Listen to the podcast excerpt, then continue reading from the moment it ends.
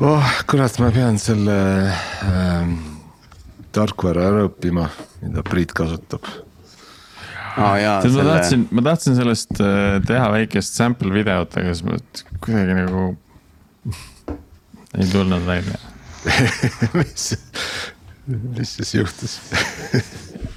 ei, ei, ma hakkasin tegema ja siis ma jõudsin nagu selle teise iteratsioonini, et, et kus oleks juba noh, võinud nagu salvestada nii, nagu ma ise tahan, et läheb minu latist üle ka nagu. esimene tuli sihuke okei okay,, aga noh, võiks paremini ja siis see teine iteratsioon jäi tegemata.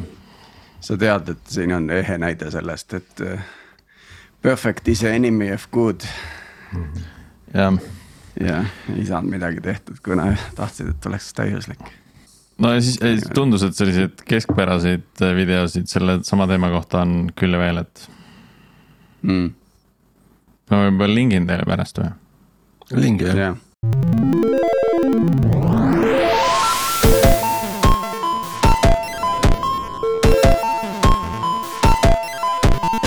täna on kahekümne kuues november ja oled taas Algorütmi lainel.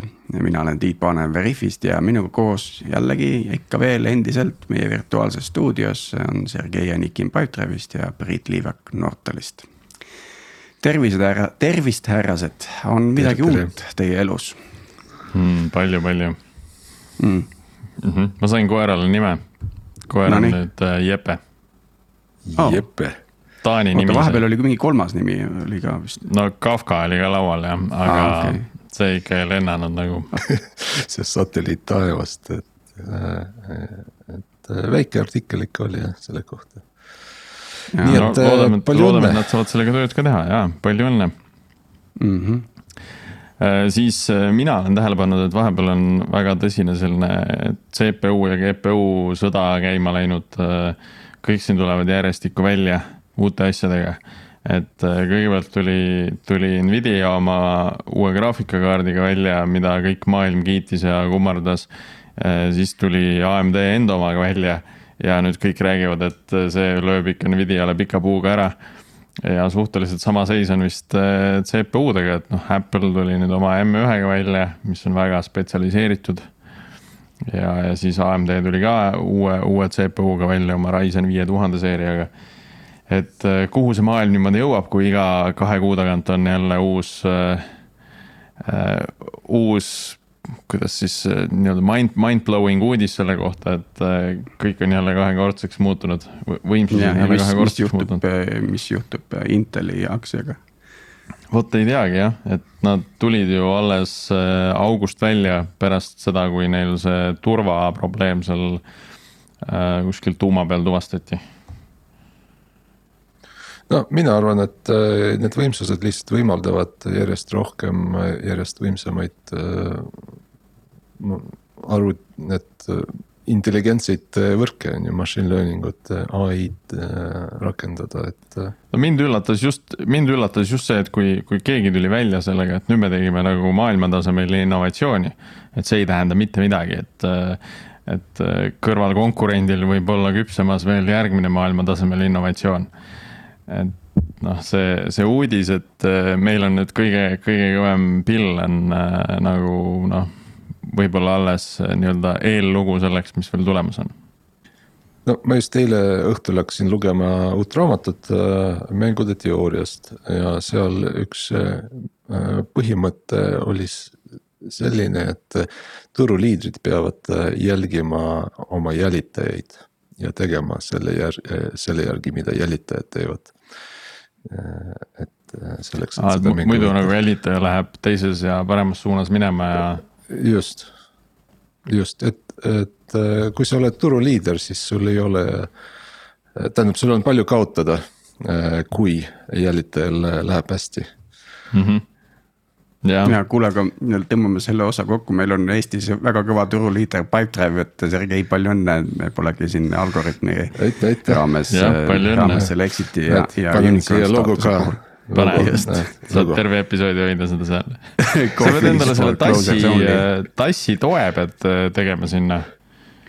ei no mul on tugi puki paned olemas. alla siia väikse ja Ja siis, tugi olemas. ja siis püsibki. sa, Tiit, sa oled ka töökohta vahetanud. Ei, see oli suveniir kuulge, aga, aga sellega teeme väikse kiire raundi ja, ja Mikk võib ka nagu äh, sisse lülitada ennast, et kes meil siis järgmine, äh, järgmine unicorn Eestis on, et võtame pakkumisi. No,. mina muidugi pean pakkuma Veriff ja, ja, ja tegelikult Skeletoni on mul ka väga palju usku, nad on selline vaikne tegija küll, aga. No mitte enam nii väga vaikne, et äh, vist ka. mina arvasin, et Concise on järgmine unicorn, aga eks see võib-olla Veriffi jõuab natuke enne. ja aga, aga siis tuleb alati on sellistes olukordades tuleb mees mingi nurgast kuskilt tuleb näiteks mingi Paxfold lendab Bitcoini lainel kuhugile kõrgele, et. tuleb jälitaja ja paneb mööda. jah, jah. Sergei, mis sina arvad? Äh, et kelle järgi me peaksime siis oma tegevusi korraldama. Äh, Eestis äh, no siin on kaks varianti, on ju, et äh, üks variant on see, et äh, noh, nagu, nagu Boltki on saanud äh, unicorn'i staatuse läbi selle, et nende kasv on lihtsalt meeletult kiire, on ju, et. et nad suudavad skaleeruda ja see, selle turu suurus on lihtsalt niivõrd suur. Pipedrive on võib-olla natuke teistsugune näide, kus hästi Äh, stabiilse, küll kiire, aga hästi stabiilse kasvuga saavutatakse seda küll natuke pikema aja jooksul on ju. et nüüd, kes meil siin piisava suurusega, noh, et see peab, sa pead ju piisava suurusega ettevõte olema, et ma ei tea. no sa võid olla ka Instagram, kus on kakskümmend neli töötajat. või Whatsapp, ei Whatsapp oli see, kus oli kakskümmend neli. ja, ja vist oli. et, et aga jällegi meeletu kiirusega kasvas, noh siin eh, on nimetatud eh, mitu, ma ei tea, Veriff, et kui kiiresti te kasvate, sõltub, teie müügitsüklid on hästi pikad, aga kui te saate endale klienti, siis. siis see kohe lisab nii-öelda korraliku nii revenue kui ka valuation'i. oleneb hästi palju sellest kliendi use case'ist ja selle use case'i nii-öelda mm -hmm skaalast, et. kui Eesti selle valimiste näotuvastuse ära teeb ärme sinna teemasse mine. lauale pandi et, et siis Veriff pakkuma ei lähe, ma saan aru, et nad ei, me ei taha teha ja äh, Pauksful äh, ausalt öeldes äh, ma ei oska hinnata, et, et ma olen küll teisi neid exchange'e kasutanud, et kindlasti Pauksful on noh, neil on omad kliendid olemas. ma ei tea, kuidas nad konkureeruvad, konkureeruvad Coinbase'iga näiteks teistega. Moneset on siin nimetatud, et neil on vist juba korralik kliendibaas, aga ikkagi neil on vaja edasi oma äri kasvatada mm. -hmm. Aga hea küll, aitäh ja, ja liigume nüüd tänase teema juurde ja täna räägime siis arendusest ja, ja uuesti tulles tagasi ja, ja täpsemalt siis nagu nendest arendusmudelitest, et. ja, ja vaatame sinna, sinna igialjasse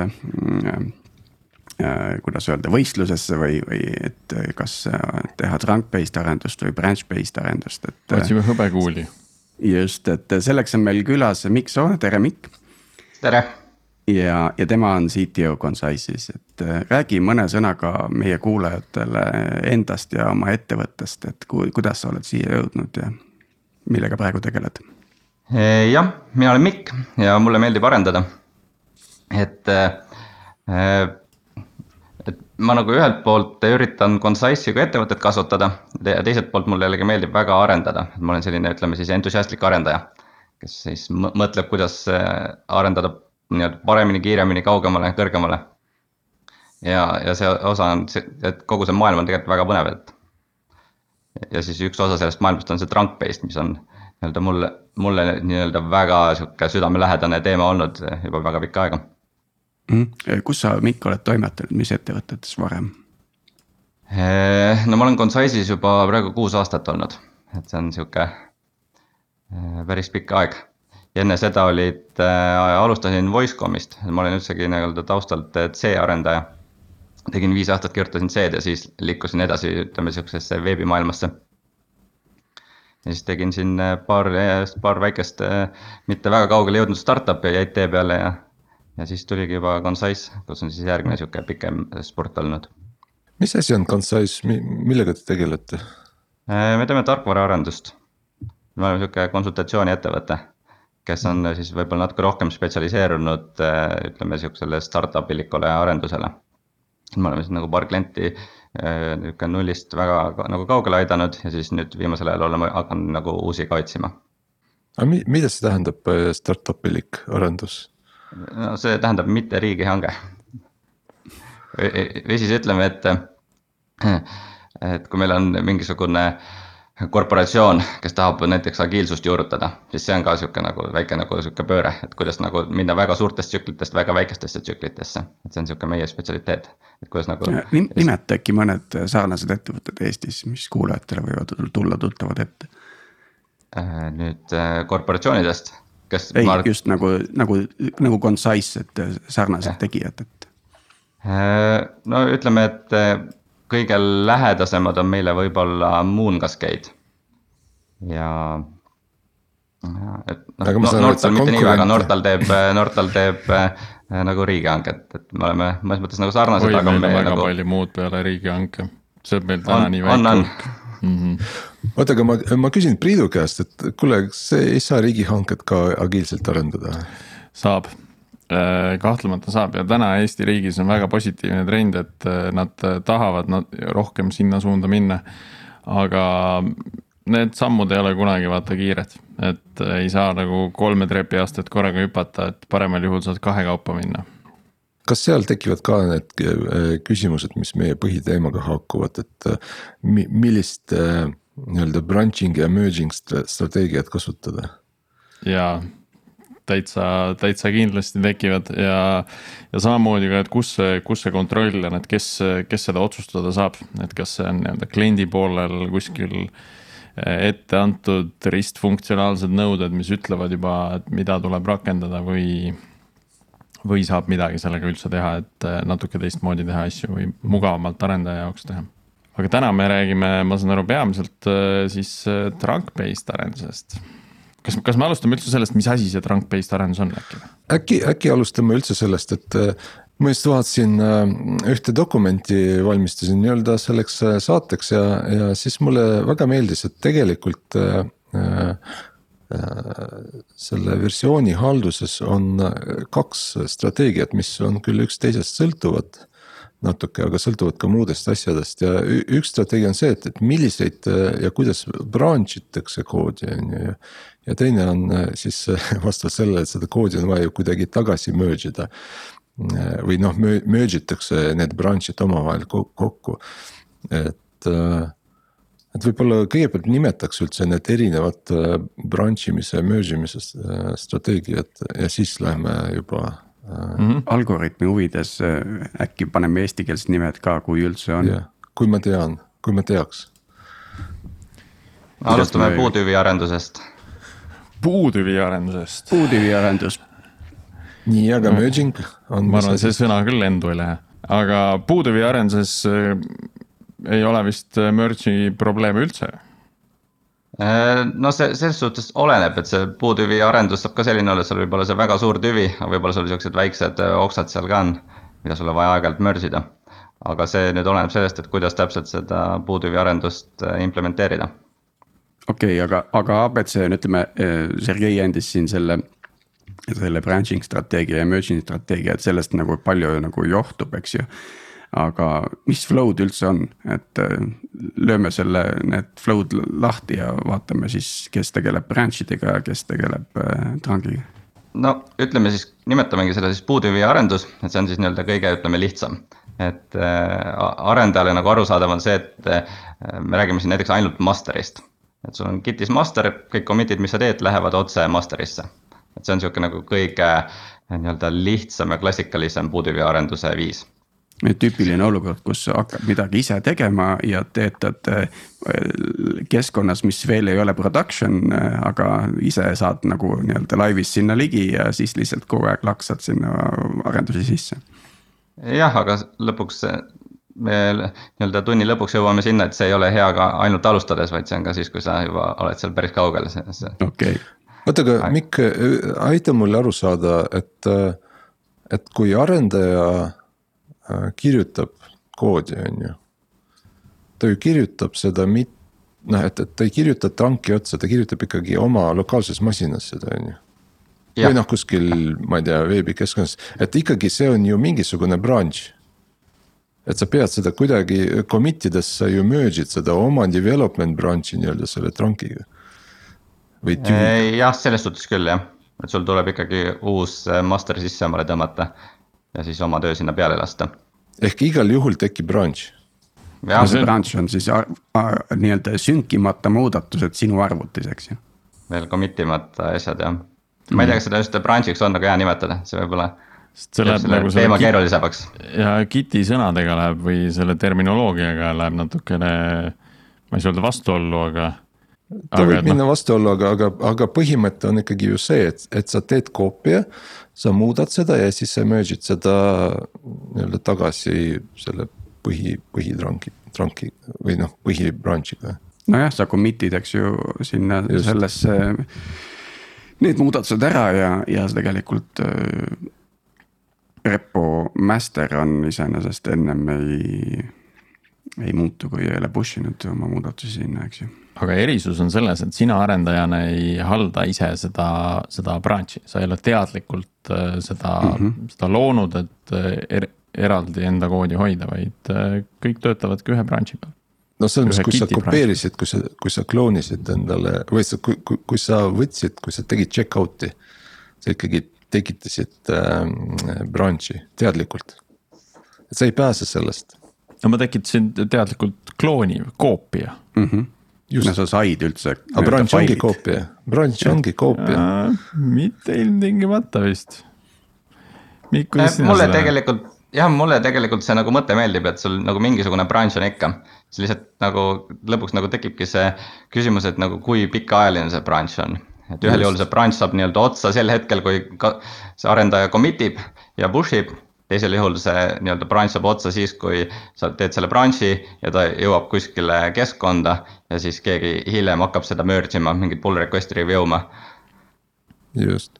et see on nii-öelda aja küsimus puhtalt küsimus on see, et, et mis juhtub peale seda commit'i. et sa mõtled ja. kohaliku arendaja commit'i? Ei no äh, vahet ei ole, ma mõtlen, et äh, kui me räägime trunk-based. Äh, ma tegelikult hea meelega nagu kogu aeg tooks välja ka need teised strateegiad, noh, et mm, -hmm. et, mhm. et millised on need teised strateegiad. ja võrdleks nendega, on ju, et, et üks strateegia on release branch'id, on ju, kus sest me, me, me ei saa rääkida ainult arendusest, me peame rääkima kogu flow lõpuni, et kui kood jõuab kasutajani välja, on ju. et kuidas seda koodi, mida arendaja nüüd commit'is, kuidas seda release itakse kasutajani. et äh, käiks võib-olla, võtaks äh, release ja noh. Trunk based, noh, ongi, et nüüd, nüüd me, nüüd me hakkame rääkima, kas on feature branch, task branch äh, Äh, või siis release branch. Aga kui palju, kas, kas me saame üldse öelda, et on sellised puhtad mudelid? et, et ei ole ju tegelikult ka nagu release branch'i põhine ja, ja trunk based äh, arendus ka tegelikult ei tähenda seda, et sa teed ainult trunk'i ja feature branch'i ja release branch'i üldse ei kasuta ju. et kas sellist puhast mudelit üldse ongi olemas, et äkki ei olegi? no meil ikkagi on et äh, saab täiesti niimoodi elada, et sul ongi see ainult see master ja sul mitte midagi muud ei ole. Et sul ei ole isegi release branch'e, sellepärast et kõik, mis nagu läheb master'isse, see jookseb läbi pipeline'i ja ta jõuab production'isse ka. Sul ei olegi vaja, nagu iga commit ongi nagu release. No mi-, minu jaoks on ikkagi äh, äh üks asi on see, et äh, millist branch'i release itakse, et ongi, kas release itakse äh, master või trunk'i, siis äh, või release itakse äh, eraldiseisvat release branch'i on ju et need on kaks, kaks eri lähenemist.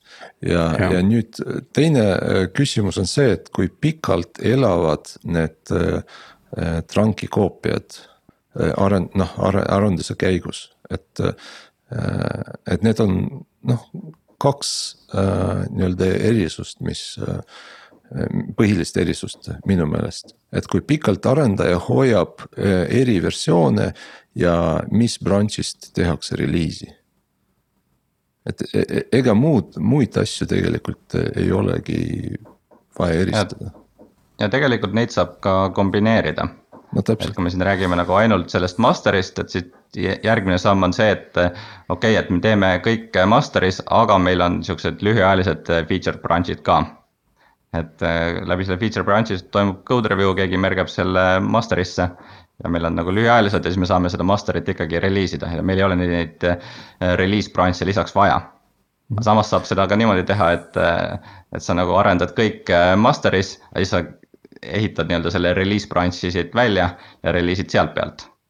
ja saab teha ka niimoodi, et sul on siis neljas kombinatsioon, et, et sul on mõlemad, et sul on nii-öelda nii nii release Feature branch'id kui ka release. fe- feature branch'id ja siis noh, selle klassikaline nimetus on see git flow. Aga võtame selle release branch'id äh, korra hambusse. et millal üldse selline mudel võiks olla otstarbekas? mulle tuleb kohe pähe situatsioon, kus ongi vaja mitut erinevat versiooni hallata. et sul on vaja see versiooni number, et sa reliisid mitu versiooni, sul on erinevad kliendid, kes tarbivad mitu erinevaid versioone ja sul on vaja sinna võib-olla tulevikus ka siis parandusi või täiendusi teha. olen ma asjast õigesti aru saanud? jah, ja noh, siin võib-olla lihtne näide on näiteks äpi arendus. et sul nagu iga äpp on näiteks eraldi versioon. ja siin see vahe just tekibki sellest, et kas eh, nii-öelda sina kontrollid seda tarkvara, kas sina saad valida, millal kasutaja saab uue versiooni või sa ei saa seda kontrollida ja siis tavaliselt tekivad need versiooni küsimused. et kui äpp on eh, kasutaja telefonis, siis ta ei saa, siis nii-öelda sina ei kontrolli seda, mis tal seal telefonis on. aga kui sul on oma sihuke veebiäpp, siis sa saad tegelikult ise valida, mille, mis asju sa teed see, see on üks noh, see on põhiline põhjus jah, kus, kus, kus sul on vaja release branch'i, et sul on vaja hoida mitu erinevat versiooni. ma arvan, et paljud ettevõtted kasutavad release branch'i eh, sellepärast, et nende äh, nii-öelda release imise äh, strateegia on selline, et, et, et see on pikk pingutus ja samas arendatakse ju äppi edasi on ju, et noh, oletame, et testimise tsük-, release se- testimise tsükkel või mingi regression testid tehakse manuaalselt. tehakse, ma ei tea, kaks nädalat ja, ja protsess eeldab, et, et see release, mida testitakse, on stabiilne, ehk seda ei muudeta, on ju. samas sul on kõrval, ma ei tea, kakskümmend, kolmkümmend, sada arendajat, kes kogu aeg ju toodavad asju juurde, ehk sa ei saa noh, seda trunk-based äh, release imist teha, kui sul äh, release imise protsess ise on hästi pikk. ja aga nüüd ongi see küsimus, et äh, lõpuks see nii-öelda branch imine on sul lihtsalt kompenseerimine sellele, et su protsessid võib-olla ei ole kõige efektiivsemad. jaa, tegelikult millega sa aga tööd peaksid tegema, on see, et su release imine ei võtaks kaks nädalat aega. ja kui sa juba selle ära lahendad, siis see nii-öelda liikumine mingi muu nii-öelda vahendi peale on palju lihtsam. Ma olen nõus, aga noh, ettevõtetes, kus on selline protsess, ega muud varianti ei ole, kui release branch'id. jube raske on sellest rääkida ilma nagu graafilise visuaalita või mis aitaks aru saada, aga, aga ütleme. Mikk, et traditsiooniline git flow, eks ju, arendus toimub mingis mõttes nagu äh, ka nagu trangis ehk siis nagu develop, development branch on, eks ju, millele on siis lisatud veel feature branch'id ja siis äh, kui arendus on nii-öelda valmis, siis saab seda release ida merge ides nagu master'iga, eks ju jah, jah, see oli see neljas kombinatsioon jah, ja siis seal on vahepeal võib-olla veel mingisugused hotfix branch'id, mis nagu tehakse nii-öelda developer branch'ist eraldi konkreetselt master'i otsa, eks ju. mm. -hmm. Ja siis on veel see vahe ka, et, et kas sa need fix'id nii-öelda teed seal fix branch'is ja pärast merge'id nad sinna nii-öelda developer branch'i või siis teed vastupidi, et mis sul see mainline on, et kus sa töötad. seal on ka nagu veel väiksed vahed sees. aga jah mm -hmm., see on see nii-öelda klassikaline git flow, mis siis ja, ja siis on GitHub flow, mis tegelikult lihtsustab seda pilti oluliselt, ehk siis sul on master ja feature branches ja that's it. jah, sisuliselt küll. et see Ja- on sihuke siis on veel klassikaline open source mudel. GitLab flow, mis tegelikult äh, vist seal on neid reegleid, ma vaatasin, oli rohkem, et, et ma ise ei ole sellega kokku puutunud, et küsimus on see, et, et mis, mis on eesmärk või noh, et, et äh, eesmärk on ju lihtsustada ja, ja kiirendada arendaja tööd, on ju. ja, ja, ja ma saan aru, et, et nende erinevate branch'ide paljusus on just see, mis teeb arendaja töö hästi keeruliseks. Ja, ja siis see, et iga merge peab, igale merge'ile peab põhimõtteliselt eelnema pull request ja code review ja kõik pull request'iga seotud äh, Tseremooniad. Pre-commit ja, ja deployment ja testing ja tegevused, eks ju. jah, siin tegelikult on nüüd nagu väga palju asju korraga, et, et äh, üks on siis nii-öelda see sihuke nagu kognitiivne sihuke load, mis sul peas peab olema, et sa saaksid aru, et kus, mis kood parasjagu asub, et kui sul on kümme branch'i. Et sa pead aru saama, sul on vajagi seda nii-öelda release manager'i, kes paneb need asjad kokku ja kombineerib ja. nihuke üsna nagu keeruline süsteem ja teiselt poolt on siis see, et. oot, kas ma tohin korra siin, siin vastu vaielda, et kui, kui mina arendan branch'is ja ma merge in master'it regulaarselt oma branch'i, siis tegelikult on suht kindel, et, et muudatused, mis on mujal toimunud ja on release itud vahepeal, on ka minu branch'is olemas Äh, seda ja. küll, aga, aga et mis just sinu branch'is on, see on see, et kas see peaks nüüd minema reliisi, kas me peaksime selle tagasi märgima, kui neid on. seda põhimõtteliselt defineerib see task, mille pealt see branch on loodud. ja kui need task'id on omavahel äh, lõimitud kuidagi mm, -hmm. siis, äh, siis seal tekib see keerukus, et oot, et see, see kood, mida sa nüüd täna vajad, tegelikult on hoopis mingi teise arendaja feature branch'is, et äh, kuidas me need kaks tükki kokku saame ma praegu kujutan ette meie kuulajat, kes äh, kuuleb seda juttu ja mõtleb, et oot-oot-oot inimesed peage hoogu. me ei saa mitte midagi aru, millest te räägite mm. -hmm.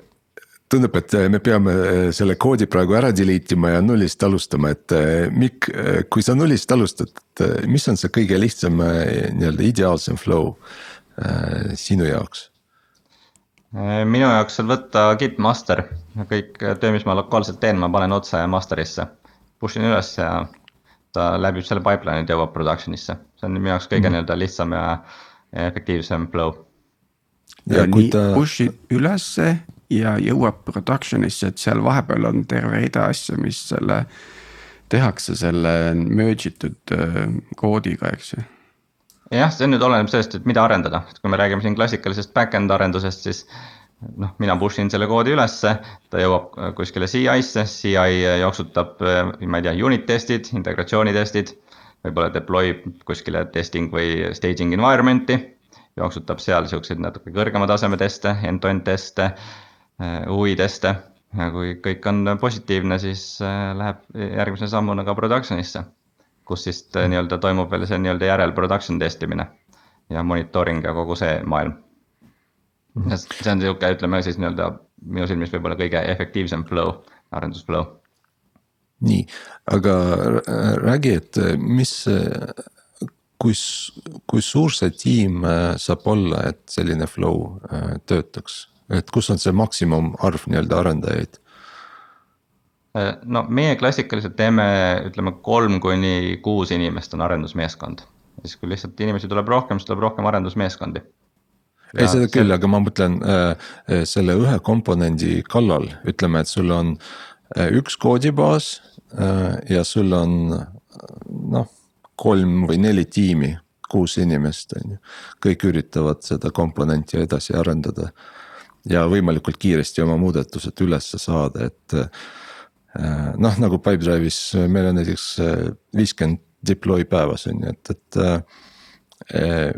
viiskümmend deploy pro, production, production süsteemi, et testsüsteemidesse on kuskil sada viiskümmend deploy päevas. et kuidas selle sinu flow puhul see asi toimiks? sisuliselt ma ütleks, et nagu sellises suurusjärgus projektiga saab ka samamoodi teha.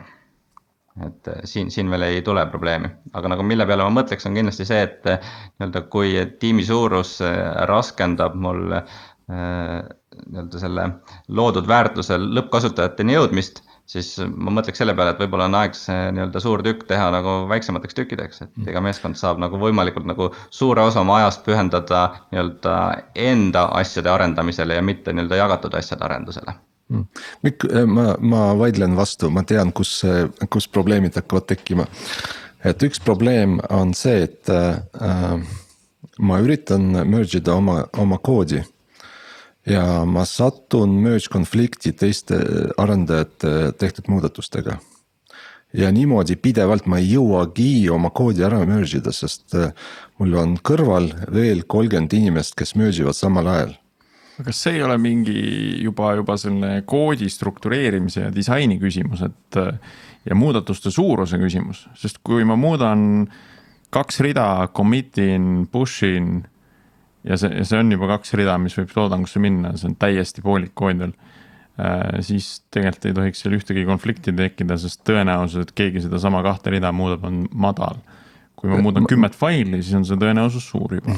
nii, Priit äh,, äh oletame, et ma commit in igat kahte rida äh,. see tõstaks äh, commit'ide arvu ja push'ide arvu viiekümne pealt viiesaja peale päevas. ja mis tähendab, et CI pipeline jookseb ka hoopis tihemini, aga see ja, ja meie, ja ütleme, meie deploy aeg on kuskil noh, pari, nende suuremate komponentide puhul kus jooksutatakse UI teste, integration teste, unit teste, et see on kuskil kakskümmend, kolmkümmend minutit, on ju.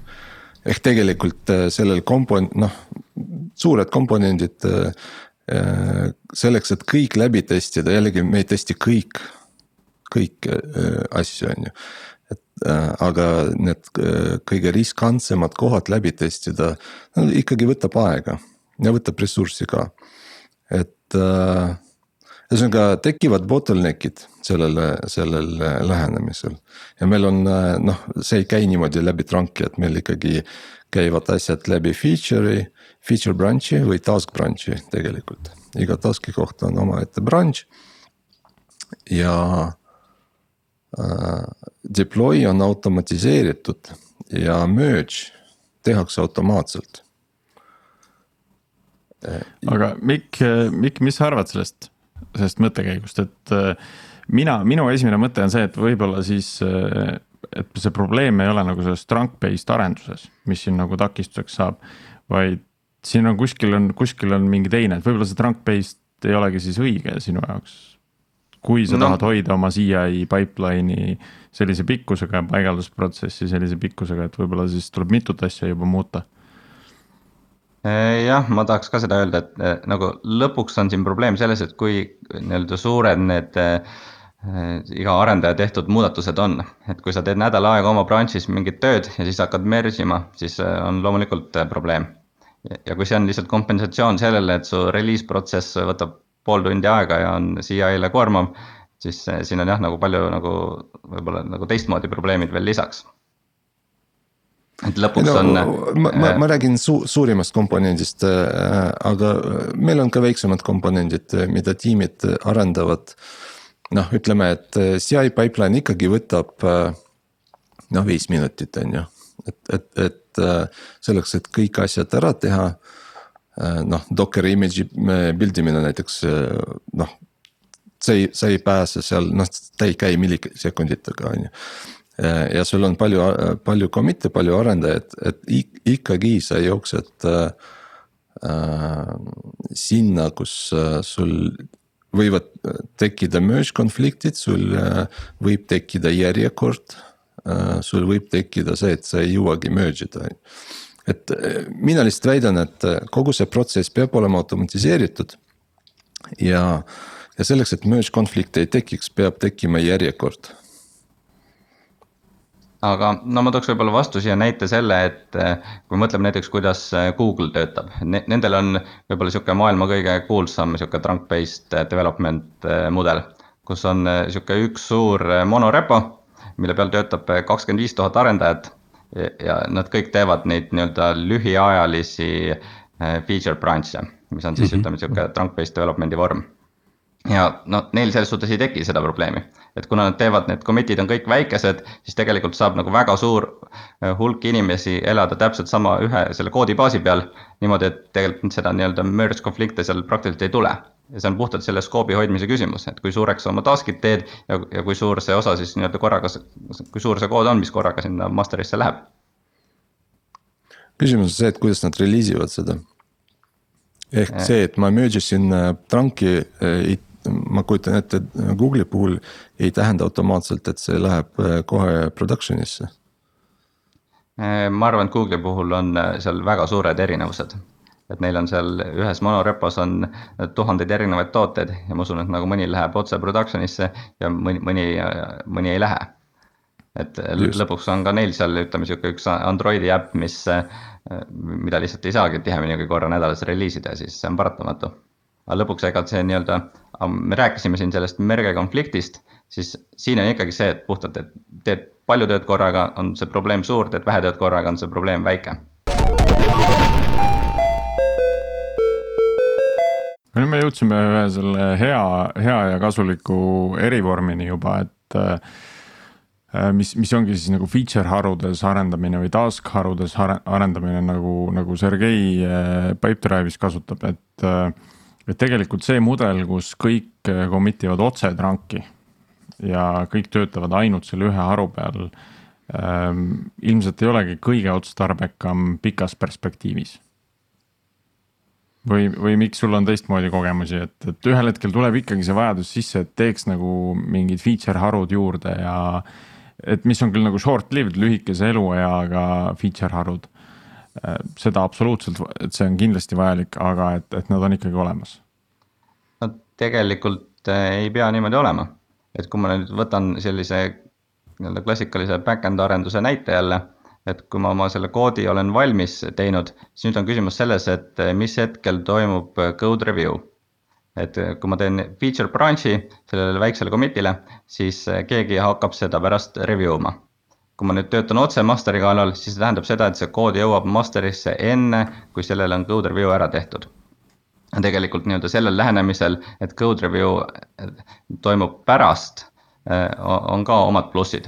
et nüüd võin näitena tuua seda, et kui ma nüüd tegelengi mingisuguse uue featuuri arendusega, muudan vana, mis iganes see töö on. et äh, ma teen selle töö valmis, ma saadan selle sinna CI pipeline'i, ta viie minuti pärast production'is ja tegelikult samal nii-öelda sellesama task'i tegemise osa on ka see, et ma vaatan, kuidas see kood lõppkasutajate peal töötab. ja ma saan seda kohe samal ajal teha, et ma ei blokeeru mitte kellegi teise taga aga mul on nüüd see feature branch, keegi teeb selle code review enne, kui see näiteks production'isse jõuab. see tähendab seda, et on teatud blokeerumine toimub ja ma ei saa kohe vaadata, et kas see kood reaalselt ka töötab, kas ta on, kas nii-öelda monitooring on korras, kas ta, kas lõppkasutajatega on kõik, on hästi et see, kui see mhm. reliis toimub hiljem, siis see nii-öelda seesama koormus läheb kellelegi teisele, aga tegelikult on nagu väga mõnus tunne, kui, kui sa saad seda ise nii-öelda samal ajal nagu kohe pärast seda teha, kui sa oled ära arendanud oma koodi. see, see vist natuke sõltub ka sinu kasutajate arvust ja nende tolerantsusest äh, nii-öelda vigadesse, et äh, kui sa, kui sa ütled, et, et äh, selleks, et veenduda, kas see tööd, kood töötab, sa pead deploy mata laivi, et ma ütleks, et vaesed kasutajad, et äh, siis nende jaoks ilmselt äh, need korrad, kus sul õigust ei olnud. Äh, on üsna, üsna halva mulje on jäänud. aga ma saan öelda, et mul on miljoneid kasutajaid. ja tegelikult on siin tehtud nagu väga palju erinevaid uuringuid. ja lõpuks on ikkagi see, et nii-öelda võitjad on need, kes nii-öelda statistiliselt on tublid et kui me siin näiteks saame võtta statistika välja, et mis on nii-öelda see mean time to recovery on, mis on nagu keskmine nii-öelda failure protsent on. et siin tegelikult on kõik uuringud näitavad, et eh, mida väiksemad su muudatused korraga on, mida väiksemaid reliise rohkem sa teed, siis nagu kokkuvõttes sul see kvaliteet tuleb just kõrgem sealt välja et ja lõpuks on nagu, mina ütleks, et suhteliselt nagu võimatu see, et sa teed koodi, mis sulle nii-öelda enne läbi testitakse niimoodi, et sealt mitte kunagi ühtegi viga ei tule et eh, siin nagu paratamatult koodi kirjutamise osa on see, et sa pead eh, nii-öelda ka production'is testima, et sul. et kui me siin räägime, ma ei tea, distributed süsteemid, kuidas nad omavahel kombineeritud on, et siin nagu lõpuks alati mingid vead tulevad välja. ja siis, kui need vead lõpuks välja tulevad, on väga oluline vahe selles, et kas sul see pipeline kestab nüüd see viis minutit või siis pool tundi. et kui, kui nii-öelda, et kui kaua sul läheb, et see viga seal korda teha aga üks eeldus vist on, ehk siis arendajad peavad olema ikkagi päris äh, nii-öelda seenior tasemel arendajad või on siis toimubki paaris progemisega, kus tegelikult teine teeb kogu aeg jooksvalt code review'd sulle. jah, siin on äh, nüüd väga hea koht, ütleme esimeseks erandiks võib-olla sellele klassikalisele ainult master'is arendusele. et meil on samamoodi, et kui tuleb äh, täiesti uus inimene projekti, siis, äh, siis jah, üks väga hea viis, kuidas nii-öelda edasi master'is arendada, on teha paaris programmeerimist. mis tegelikult neid uusi inimesi aitab. aga nagu ma ütleks, et üsna ruttu inimesed saavad sellest mudelist aru ja, ja tulevad kaasa ja, ja nii-öelda see, et kas sa oled nii-öelda, et sa ei pea olema viieaastase kogemusega seenior piisab sellest, et kui sul on niisugune paar-kolm-neli kuud juba kogemust projektis, siis tavaliselt sellest juba täiesti piisab, et, et sa võid niimoodi arendada.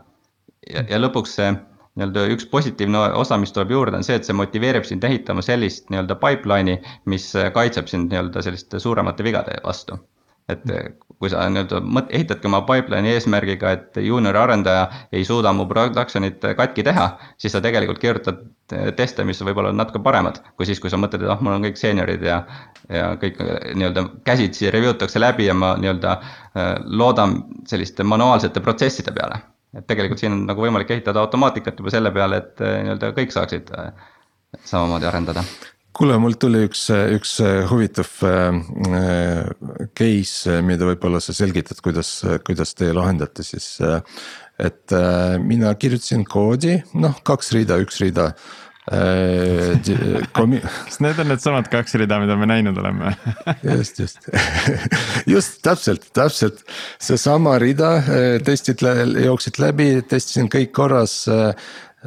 Paneme peale, CI jookseb minutiga, väga ilus, deploy takse töötab, töötab, järsku kasutajad hakkavad kirjutama support'i, et kuule, jõu, et mul siin, ma ei tea, raha kadus ära konto pealt. siis vaatame, kurat, tõesti see viga kuskil, noh, ühesõnaga tekkinud viga, on ju. nüüd mul on kiiresti vaja see fix ära teha. Vaatan, kurat, et keegi teine on, on oma commit'i teinud ja hoopis teine kood on seal, ta ei ole veel deploy tud, on ju. et ei jõudnud veel, et ühesõnaga mida ma teen, et mis versiooni ma võtan, et, et mul on kellegi teise kood ees. ja ma pean oma koodi parandama, ma ei tea, kas see teise inimese kood töötab üldse, noh, ta ei ole deploy tud veel. E, jah, võib-olla kõigepealt tooks selle nagu näite, et üks ütleme sihuke New Age pank Revolut.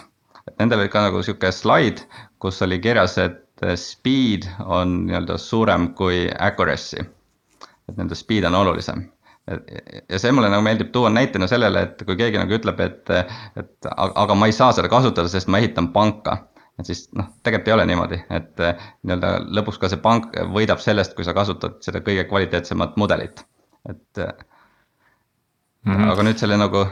et, et sa tahad öelda, et, et siin Sergei näitena näidet peegeldades, et see, kui sa oled natukene takistatud sellest ajaliselt see pikendab seda parandamisprotsessi, aga suures pildis äh, on ikkagi võit suurem kui see ajaline viivitus selle vea parandamisel. jah, aga noh, siin tegelikult oli nagu küsimuse või selle nagu teema on teine pool veel. Et isegi kui me arendame ainult master'is, siis äh, sealt pealt saab ka erinevalt reliisida et kui me nüüd räägime continuous delivery'st, siis see võib tähendada seda, et arendajad commit ivad master'isse iga päev kümme commit'i ja näiteks läheb korra päevas edasi production'isse. Versus siis teine, millest me enne rääkisime, on see continuous deployment, et kõik läheb, kõik, mis läheb master'isse, läheb ka otse production'isse. Ja kui me nüüd teeme seda mudelit, et on continuous delivery ehk siis master'isse jõuab kümme erinevat commit'i ja nüüd on küsimus, et kas seda võib production'isse panna, siis tegelikult seal need küsimused tekivad küll kuigi ütleme sellise klassikalise continuous delivery mudeli puhul äh, iga arendaja peab arvestama sellega, et tema nii-öelda kood võib jõuda igal hetkel production'isse. ehk siis sisuliselt, kui sul on äh, vaja teha fix, siis äh, nii-öelda kõik teine kood, mis seal master'is on, läheb ka production'isse ja kõik peavad sellega arvestama. ja kui sa master'isse midagi commit'id, siis sa juba commit idki sellise koodi, mis nii-öelda võib jõuda võib-olla sa oled mõelnud, et ah, ma tahan seda kuskil staging us ka testida, see on fine, aga ta peab olema selles osas kindel, et, et ta ei tohi kunagi kedagi takistada. oota, aga räägi natuke testimisest, ma, ma ei, ma ei, ma ei saa päris äh, aru, et mis hetkel ikkagi testitakse seda koodi? see puudutab no, manuaalset testimist ei, ei ma isegi automaatselt ütleme, et, et ma noh, okei okay,, ma lokaalselt saan unit test'e käivitada, on ju, aga võib-olla isegi integratsioonidest, aga ikkagi ju mingi, mingi hetk sa pead ju seda. integreeritud koodi ehk minu merge'i nagu master'isse ära testima, enne mina saan aru, et see toimub pärast seda, kui merge on toimunud ja see toimub testkeskkonnas enne production deployment'it. mina saan ka niimoodi aru. Nii, aga kui ma reliisin korra päevas. et, et, et millist, et millal siis testimine toimub, testimine toimub peale iga commit'i peale iga commit'i peale selles suhtes, et siis on samamoodi, sa teed oma commit'i ära, push'id, CI jooksutab unit testid, integratsioonitestid deployb staging usse, laseb need staging'u mingid suuremad UI testid käima, end-to-end testid ja siis jääb lihtsalt flow seisma. Ja tuleb järgmine commit, tehakse täpselt seesama asi läbi ja siis on lihtsalt nii-öelda kaks commit'i jäänud production'isse.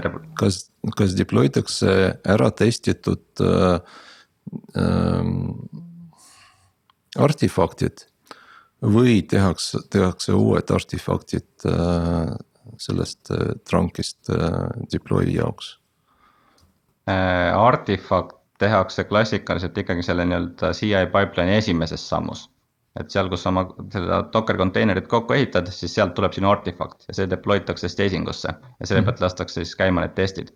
ja kui kunagi deploy'd production'isse, siis see nii-öelda seesama artifakt tegelikult läheb edasi. ehk siis viimane image, mis sai testitud staging us, seesama image läheb production'isse üles. täpselt. kas sa võid ka vahepealset image'it äh, deploy da? mm. -hmm. kes, kes üldse otsustab, millist, milline versioon läheb äh, production'isse? see on juba ette otsustatud, äh, viimane versioon läheb production'isse. kelle poolt, et see on Kelle continuous poolt? delivery nii-öelda ütleme siis by definition. no selles mõttes, et ta on viimane kuni järgmise tekkeni, on ju. et kui sul läheb paralleelselt käima, ühesõnaga, kui sul käib deploy production'isse ja keegi commit ib koodi ja käivitab nii-öelda uue versiooni tekitamist, et sul tegelikult äh, ei lähe ju viimane, sul läheb eelviimane. Äh, seda küll, läheb see, mis on äh, staging us. mis on viimane testitud. viimane see... testitud jah ja.. ja, aga ma jällegi, ma mõtlen ikkagi, et, et kes vajutab nuppu deploy to production? Äh, arendaja, see, kes tahab kui sa teed continuous delivery't ja sul on vaja, et keegi käsitsi korra päevas nuppu vajutaks, siis keegi arendaja tuleb ja vajutab sul nuppu. et see on täiesti nagu levinud mudel, et sul on näiteks korra päevas on automaatne release production'isse, iga päeva hommikul kell kümme, kõik teavad, et siis läheb aga lisaks on continuous delivery puhul see, et kui keegi teeb päeva jooksul töö, mingi osa tööst ära, ta tahab, et see läheks nüüd kohe praegu production'isse, mitte kunagi hiljem, siis tal on alati õigus seda nuppu vajutada, et see ei pea olema limiteeritud selle kor korra päevase reliisiga, ta võib olla nii-öelda korra päevas minimaalselt, aga lõpuks võib olla ka sada korda päevas. Okei. Okay., ja nüüd, nüüd läheb äh, kell kümme hommikul see release production'isse ja seal on äh, kolm viga. Äh, ja tegelikult ei tea, millise commit'iga need vead on tekkinud, et kes parandab? selles suhtes, et äh, sellepärast kõik need mudelid head ongi, et see nii-öelda see skoop, mis läheb production'isse, peaks olema võimalikult väike. et kui sa teed seda nii-öelda reliisi korra nädalas, siis ja, sul on veel rohkem commit'e, et keegi aru saaks. teoorias ja, ja teoorias, praktikas me teame, et tea, tekivad vead Äh, ja minu küsimus see, nüüd kes, kes parandab neid vigu? Noh, see oleneb sinu sellest meeskonna setup'ist, et äh, kui nii-öelda hästi sa neid vigu kinni püüad. tavaliselt noh, meil on klassikaliselt ütleme siuksed on-call meeskonnad, kes tegelikult alati on keegi, kes tegeleb production probleemidega meeskonnast. et tema saab, temale tulevad alert'id sisse eelistatult need alert'id tulevad automaatikast, mitte customer support'i kaudu, et sa tahad need vead tegelikult enne kinni püüda, kui need customer support'i jõuavad ja siis tema äh, teeb need korda või siis räägib mm, läbi, kes teeb korda. ütleme selline scheduled reliisi puhul on mingi release notes mingi automaatselt genereeritud, et ta oskab kuskilt kinni haarata, et seal on nagu viisteist commit'i on sees, et mis ei tööta. Äh, jah jah, seda muidugi, et sa näed neid äh, commit'e, mis äh, lähevad, et tavaliselt CI sul näitab neid commit'e, mis on läinud. ja selle pealt sa siis ta, saad teha omal selle arvamuse, et kus see viga tõenäoliselt olla saab. Aga siin ongi oluline, et võib-olla see korrapäevas ei ole hea, et see korrapäevas on võib-olla okei okay,, kui sul on väga väike tükk. aga siis on juba küsimus selles, et noh, et tegelikult võiks veel tihemini reliis ida, et. et lõpuks nagu võidavad need, kellel see reliis tsükkel on võimalikult äh, tihe. ütleme, et siis statistiline võit tuleb sellest mm.. ma puudutaks ühte nagu task management'iga seotud teemat, et kui me, kui sul on, on äh, trunk-based arendus ja, ja sa reliisid hästi tihedalt. ja need muudatused, mida sa teed, on tõesti väga väikesed, need on testitud ära enne production release'i staging us sellest samast master'ist. et ähm, kas see overhead nagu väga suureks ei kasva, et igat väikest äh, muudatust ma pean justkui task ima? sest või, või mille alusel ma selle muudatuse teen, kui mul selle, kui mul ei ole task'i. ma tulen siit praegu GitHubi flow maailmast on ju, et. Äh, GitHubi flow's on ju ka sul mingisugune task.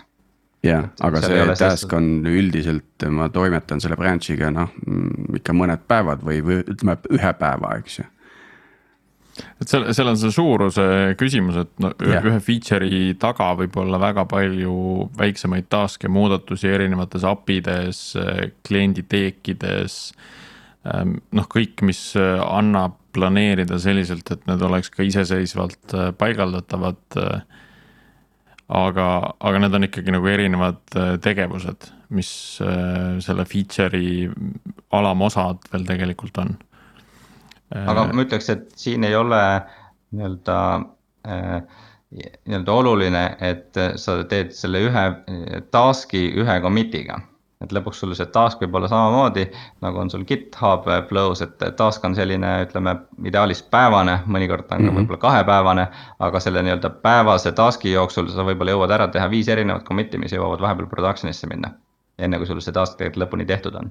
nii et sa noh, ütleme põhimõtteliselt sa võtad selle ühe task'i ja siis commit'i description'i tasemel lööd selle väikesteks tükkideks. jah, noh, sa ei pea okay. seda tegema, sa võid ka korra päevas ütleme commit ida mm., et kui sul on selline töö, et võtab terve päev, siis no fine, et siin on võib-olla arendajate eelistused erinevad ka minul tuli vahepeal mõttesse täitsa selline natuke teistmoodi filosoofiline äh, mõttekäik, et see on natuke selline äh, fear driven quality äh, ähm, metoodika.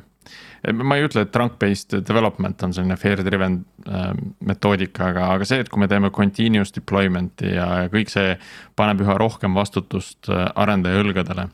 ja samal ajal lühendab ka seda tsüklit, mille jooksul see arendaja saab feedback'i, et kas tema midagi tegi katki. et äh, see, see, mida ma kuulnud olen noh, erinevatest äh, ettevõtetest ka, erinevate arendajate käest, et et see kogemus, mida arendajad saavad sellega, kui, kui nende muudatus öö, otse koodi läheb, otse, toodangusse läheb. see paneb neid väga palju rohkem mõtlema kvaliteedi peale. Mhm. just tänu sellele, et et nad ise peavad selle, selle ära ka lappima ühel hetkel, et see ei ole lihtsalt selline üle aia viskamine, et kord kuus viskame üle aia midagi ja siis hakkame tegelema vaid et ma pean kogu aeg olema KIK-i varvul ja minu testid peavad olema tasemel ja. just äh,, et kui su kindlustuspoliis, mis on automaattestide näol kuskil ja, ja on, võib-olla käid ise ka vaatad korra üle staging us enne kui production'isse läheb, et. Äh. just, et, et äh, Mikk, kuidas, kuidas sina seda näed, et noh, kas, kas see mõttekäik on nagu õige, et me ütleme, et, et me, me tegelikult nagu mõneti tekitame hirmu nendes arendajates, et äh, kui sa nüüd midagi katki teed siis sa pead kohe midagi, siis sa pead ise selle ära ka parandama. Äh, ja, ja läbi selle me tegelikult ootame, et nad tõuseksid järgmisele tasemele, parandaksid enda testide kvaliteeti. veenduksid ise, et nende muudatused midagi katki ei tee no tegelikult see mõttekäik lõpuks on äh, õige, et äh, ma küll ei nimetaks seda võib-olla nagu fear-based development'iks, aga, aga see lõpuks noh, et võib-olla toon näite, et me hakkasime ise sellist metoodikat kasutama circa võib-olla neli, neli-viis aastat tagasi. ja ütleme, esimene meeskond, kus me selle implementeerisime, siis tegelikult see nii-öelda mindset'i muudatus oli täiesti pööraselt suur. et kus nagu päevapealt tegime selle muudatuse, et äh, mitte sa ei kirjuta koodi ja keegi kuu aja pärast testib selle läbi ja see jõuab production'isse, vaid et sa kirjutad koodi ja see võib jõuda kohe production'isse ja sisuliselt nagu päevapealt äh, commit'ide kvaliteet tõusis aga see on mm, -hmm. ütleme, et see alguses võib tekitada sellist stressi. kuigi ma ütleks, et see tekitab nagu rohkem stressi enne, kui sa pole seda kasutanud, et kui sa nagu. meil tuleb uus arendaja, ta pole sellest varem kuulnud, siis see nagu esimene hetk on see ehmatus on muidugi väga suur. aga millest seal nagu üsna ruttu aru saada, on see, et see tegelikult motiveerib arendajaid ennast kaitsma. ja üsna ruttu tekib olukord, kus tegelikult ehitataksegi sellised testid, mis on päriselt mõttekad ja, ja siis tekib jällegi see turvatunne, et sa tead, et mul on selline pipeline, et kui sealt mingi viga läbi jookseb, siis fine, aga see on ebatõenäoline, sellepärast et me oleme juba üsna palju investeerinud sellesse, et ennast kaitsta. Ma mõtlen suurtes ettevõtetes on, on ju ka olnud neid blogiposte ja artikleid selle kohta, kuidas seda anonüümsust Äh, vähendatakse, et kui sul on väike tiim, äh, siis on selge, kes toodangu katki teeb, eks ole, ja siis ka inimesed tunnevad seda suurt vastutust, et mina ei taha olla see, kes toodangu katki teeb. mida suuremaks organisatsioon kasvab, seda suuremaks muutub ka see anonüümsus, et kui Twitter läheb katki, noh, kas siis äh, see konkreetne arendaja tunneb ennast väga halvasti. ja, ja mida mina olen näinud, et, et aeg-ajalt tehakse siis ka sellist äh, ähm, nagu shame-based äh, lähenemist, et äh, kui sa teed toodangu katki, siis sa kannad mingit naljakat mütsi või äh, vest of shame'i nagu selle, sellel päeval. kuni see probleem ära parandatakse või, või lastakse suurt mingit kongi üle kontori ja kõik saavad Twitterist lugeda, et millise arendaja commit selle toodangu nüüd katki tegi et noh, see natuke läheb sinnasamma mõttemaailma, et, et me paneme üha rohkem selle konkreetse arendaja õlgadele, kes selle koodi kirjutas ja loodame, et siis sellest see kvaliteet tõuseb. aga ma jällegi ütleks, et eh, sedasama asja saab implementeerida nii, nii ütleme positiivses kui negatiivses võtmes mm, -hmm. et eh, et kui sa panedki selle shame mütsi pähe, et see võib-olla ei ole nagu kõige parem lahendus, näiteks meil on ka, me teeme oma ettevõttes näiteks mingisugust failure pitching ut et kus äh, aeg-ajalt saame kokku ja tähistame vigu, mis meil on juhtunud, räägime, mis me sealt õppida saame, aga see on nagu tähistamise vormis, mitte et me nüüd süüdistame kedagi, kes on vea teinud. et see selles suhtes ei ole nagu blame sihuke kultuur, vaid see on pigem äh, pigem noh, et noh, Elon Musk on seda klassikaliselt öelnud, et eh, kui sa ei eh, fail'i piisavalt tihti, järelikult sa ei tee ka piisavalt innovatsiooni, et. et see mm -hmm. nii-öelda fail imine peabki olema okei okay ja see ongi osa kultuurist. ja see, et aeg-ajalt midagi katki läheb, et sa ei pea ennast nagu super halvasti tundma, vaid sa lihtsalt äh, arvestad, et nii võibki juhtuda, alati lõpuks, lõpuks nii läheb ka. aga sa teed kõik, mis sinu võimuses on, et nii ei läheks ma tahtsin ka öelda, et see on tegelikult äh, see, see kultuur peab minema läbivalt kogu ettevõttes, et. muidu on nii, et kuskil organisatsioonis mingi vend ikkagi ärkab äh, selle mm, nagu süüdistava äh, mütsiga, tahab lüüa kuhugile.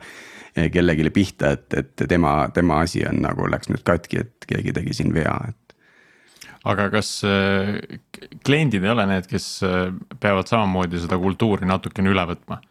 et kui vahet pole, kas riigiasutus või eraettevõtted võivad ju ka äh, igasuguse vea peale, mis põhjustab finantskahju, tekitada kohe kohtu case'i ja nõuda selle arendajalt sisse. Äh, jah, selles suhtes, et lõpuks äh, muidugi klient peab sul nõus olema sellega, mis sa teed. aga siin on ka see võimalus, et sul on võimalus klienti valida ja lõpuks see match peabki olema hea et sa tahadki võib-olla sellise mindset'iga klienti omale, kes, kes saab aru sellise lähenemise plussidest ja kes tahabki nii-öelda äh, siukseid äh, lühikesi, kiireid feedback tsükleid, et mm. -hmm. kes on valmis selle riski nii-öelda iseenda õlgadele võtma ja kui, kui Revolutis on ka midagi katki, siis tegelikult ka Revoluti lõpptarbijad või Revolut on valmis selle riski enda peale võtma nii-öelda absoluutselt, aga kui sa no, oled juba näinud seda, et, äh, et kokkuvõttes sa sellise lähenemisega võidad, et siis seda, see risk ei ole nagu väga keeruline võtta. hea küll, äh, lõpetuseks võib-olla see, et saadet ette valmistades ma märkasin, Mikk, et sa mainisid trunk-based light ja trunk-based tõsine, et mis, mis vahe sellel sinu nägemuses on, et? siin on see küsimus, et kas, kas sa teed neid lühiajalisi feature branch'e mida nimetatakse ka trunk base'iks, mis siis minu jaoks on nagu sihuke trunk base'i, ütleme sihuke nagu kergem variant. ja siis see trunk base'i nii-öelda päris variant on see, kus sa siis lasedki kõik need commit'id otse production'isse. ja siin noh, et võib-olla veel vahest näiteks ütlemegi siis GitHub flow ja selle lühikeste feature branch'ide vahel on veel, on, ongi puhtalt see nii-öelda aja küsimus, et kui suured feature branch'id sa teed et kui me räägime siin open source mudelist, kus keegi tahab äh, oma sihukesesse reposse suvalisel inimesel lasta commit ida. ja see commit tal võib-olla võtab nädal aega aega, et seda teha, see on nagu suur commit. et äh, ütleme, suur featuur, et sa nagu tahad seda korraga lõpus review da, et sa ei taha nagu neid väikseid tükke sinna saada täitsa võõra inimese poolt. aga siis mm, -hmm. aga, aga sihuke trunk base'is äh, nagu see ei lähe läbi, et trunk base'is isegi kui sul see branch on, siis ta peab olema väga lühiajaline. et ideaalis sihuke päevane hea küll, äh, ehk siis äh, kuidas saada piir äh, pull request idest lahti, hakake Transpace'i arendust tegema ja mm, -hmm. ja Mhm. tehke seda ja pidage meeles, et potentsiaalselt paaris progemisega, et äh, enne kasutamist on hirm suurem kui selle kasutamise ajal, see on minu, minu jaoks hea sihuke take away, mis kindlasti julgustab seda kasutama, eks. jah, sama, sama on paaris, paaris progemisega, et kui sa pole seda teinud, siis see tundub nagu suht crazy, aga, aga ilmselt see kogemus, mis sa saad sellest tagasisidest, mis on hästi kiire, teeb selle tegelikult tulevikus sulle väärtuslikuks. ma küll lisaks, et see paaris programmeerimine käib siia juurde, aga see ei ole kohustuslik, et sa ei pea kõike mm -hmm. tegema paaris selle jaoks, et asjad jõuaksid otse master'isse. see võib olla lihtsalt üks osa sinu arendusflow'st, et sa teed korra päevas tund aega paarist, aga ülejäänud aeg on sul, läheb ikkagi otse master'isse aga sellega tõmbame täna otsad kokku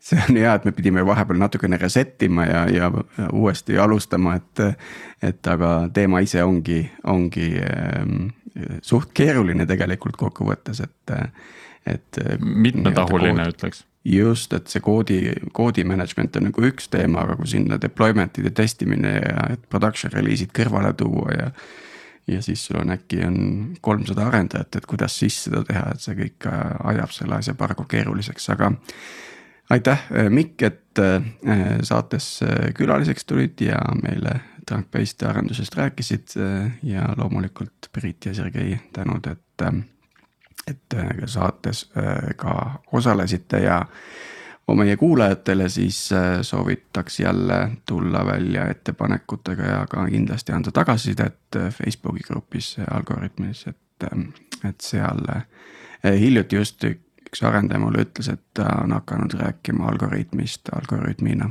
et tal on juba ajus kõik nii sassis, et nagu kasutab algoritmi kogu aeg oma kõnes. loome uusi ühendusi. just, täpselt aga sellega kõik ja aitäh kõigile ja, ja olge terved.